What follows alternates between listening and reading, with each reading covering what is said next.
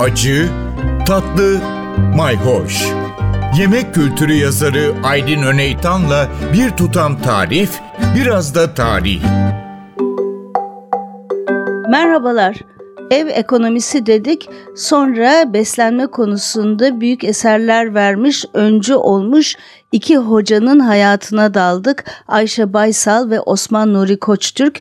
Ben ikisinin hayatının çakıştığını da bilmiyordum. Meğerse Ayşe Baysal 1953-54 yıllarında Osman Nuri Koçtürk'ün öğrencisi olmuş. O dönemde laboratuvar çalışmalarını özellikle anıyor o zamana kadar hiç görmediğim hassas teraziler, tüpler, balon gibi e, laboratuvar araç gereçleri beni adeta büyülemişti. Laboratuvardan çıkmaz olmuştum diye anlatıyor.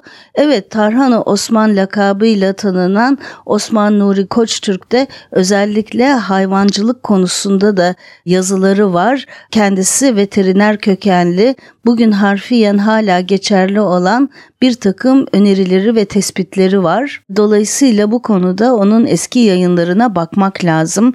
Biz de bu konuya elbette başka zaman döneriz ama şunu da söyleyeyim. Tarhana Osman lakabını da almasına bir anlamda neden olan Tarhana üzerine bir yazısını biz bir türlü basamadığımız Tarhana kitabına da koyduk. Evet, yemek kültürü araştırmacısı Nilhan Aras'ın başlattığı benim de iki bölümle katkıda bulunduğum e, MSA yayınlarından çıkacak olan Tarhana kitabı artık bu yıl söz 2024 yılında çıkacak.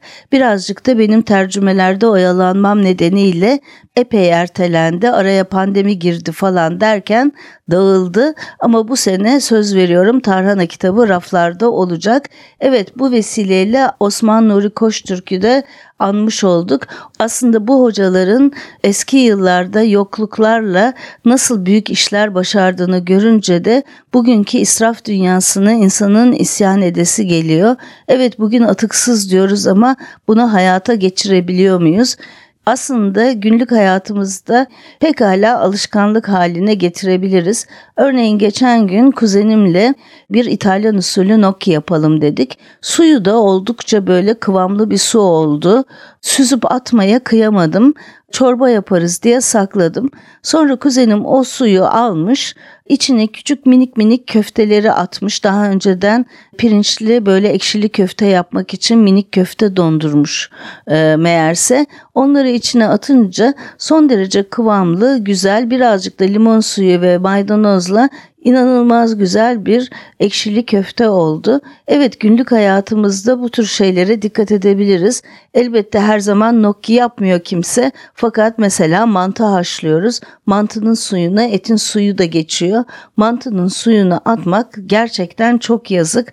Pekala mantı suyunu oldukça da kıvamlı oluyor ya da erişte makarna haşladığımız zaman Suyunu çorbalara kullanabiliriz. Böyle ekşili köfte yapmakta kullanabiliriz. Yemeklere kullanabiliriz. Bunları günlük hayatımızda gerçekten dikkat etmek lazım. Eski hocaları okuyunca insan o zamanlarda gösterdikleri emeklere hayran oluyor. Evet böyle hikayelerle devam ediyoruz. Takipte kalın, hoşça kalın. Bir tutam tarih, biraz da tarif. Aydın Öneytan'la Acı Tatlı Mayhoş Arşivi ntvradio.com.tr adresinde Spotify ve podcast platformlarında.